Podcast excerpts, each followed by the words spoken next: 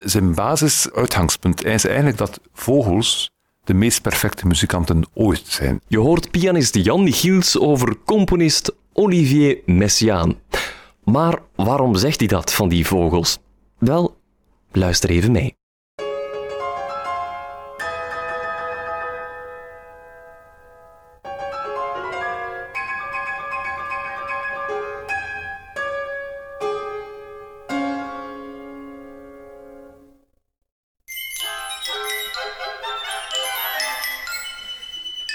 Wat je net hoorde was een extract uit de compositie Oiseau exotique van de Franse componist en vogelliefhebber Olivier Messiaen. Nu, waarom vertel ik je dat? Wel, het Brussels Philharmonic waagt zich op 9 oktober aan zo'n ornithologisch huzarenstukje. 9 oktober, trouwens niet toevallig, World Migratory Bird Day dit jaar. Ik praat erover met ornitholoog Fernand Rochet, schrijver ook van het boek De Vogel en de Componist, en pianist Jan Michiels, die leert ons welke vreemde vogels er onder zijn klavier schuilgaan.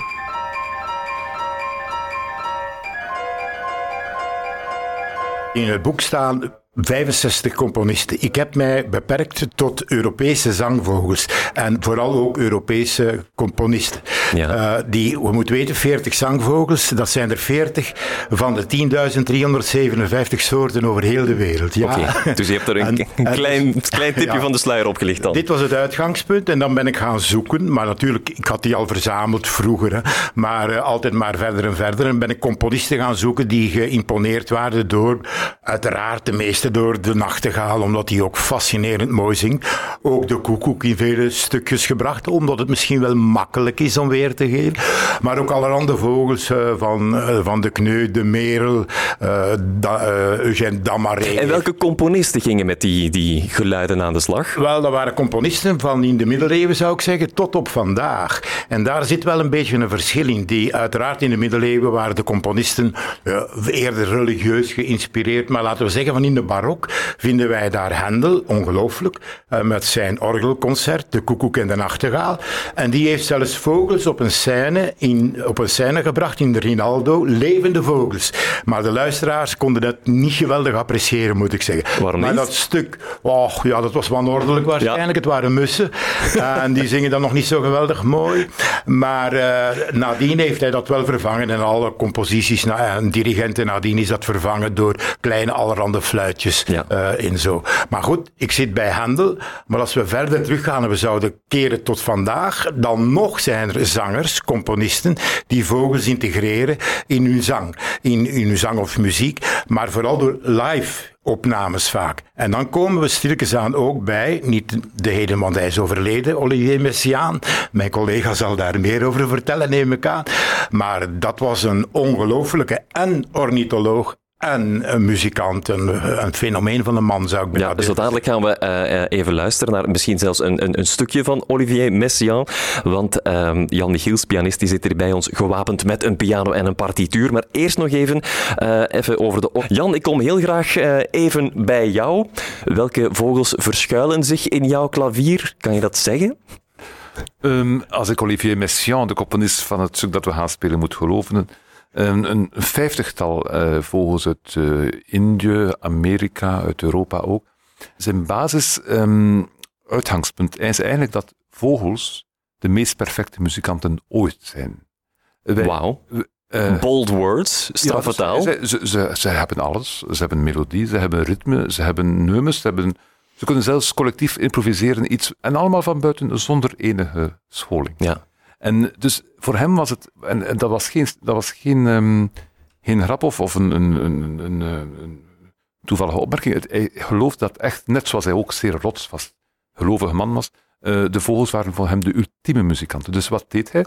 Hij stond s ochtends vroeg op in elk werelddeel waar hij ging met een notitieboekje.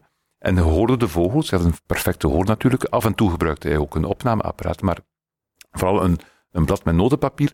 En dan heeft hij dingen gedaan die denk ik geen muzikanten kunnen, met menselijke muzikanten kunnen. De vogels zingen natuurlijk in een tessituur die, die, die hoger is dan om teven wat een piano Ja, kan doen, of, ja. of zelfs hoger wat een, een piccolo kan doen in het orkest. Dus hij heeft die uh, vogelzang overgeschreven een aantal octaven, een, een, een Hanse naar beneden. En ook de intervallen van de, de, de toonsafstanden tussen de verschillende noten in de melodie uh, bij je vogel zijn zeer miniem. Ze zijn ook een beetje uitvergroot, omdat hij een paar octaven naar beneden gaat. Bijvoorbeeld als ik nu um, een Amerikaanse vogel, het, um, een Dolichonyx, ik weet niks van. Oké. Okay. Dus, maar, uh,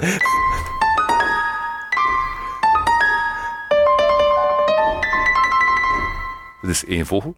En de andere is...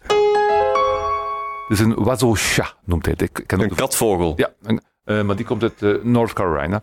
En nu in de, in grote pianocadens op het einde van het stuk komen die twee in dialoog. Oké. En dat geeft een, een, heel, een heel spetterend vuurwerk als gevolg. Nu, um, kan je, kan, kan, kan je dat laten horen dan? Ik ben maar alleen. ah, jammer. De boel mensen, dan moet ah, naar het concert komen. Um, hm. Maar uh, het grote verschil met wat Messiaen met, met vogelgeluiden doet, vergeleken met ervoor, is dat Hans het orkest één grote vogel is geworden. U, zal, u hoort daarna de, de vuurvogel van Stravinsky, dat is eigenlijk een soort ja, het heeft meer met de mensen te maken dan met de vogel zelf. Het gaat over een menselijk verhaal. Mm en wat zo exotiek is, als het ware één groot vogelparadijs, um, gecomponeerd door iemand die de vogels zo adoreert dat hij ze een groot podium wou geven. En elk instrument heeft zijn vogelgezang. Mhm. Maar het lijkt mij wel, beste Jan, ongelooflijk moeilijk, want uh, ik ben geen expert, maar muziek wordt vaak in één adem genoemd met wiskunde bijvoorbeeld. Hè. Dit is volgens een patroon enigszins voorspelbaar. Roepen van vogels lijken mij dat in, in mindere mate. Ik heb er een paar opgezocht op het internet. De, lokroep van een soort kraaiachtige bijvoorbeeld, die klinkt dan als volgt.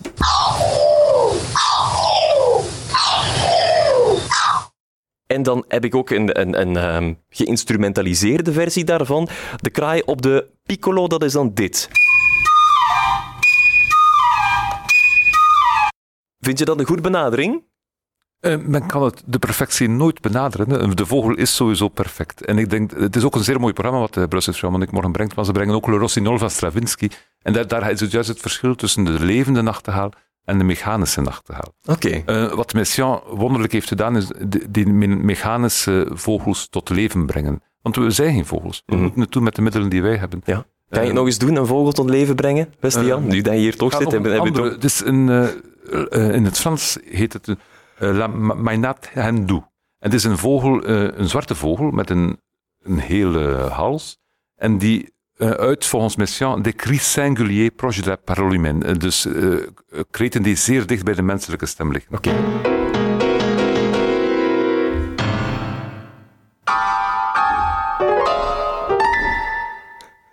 Zo, doet u maar eens na.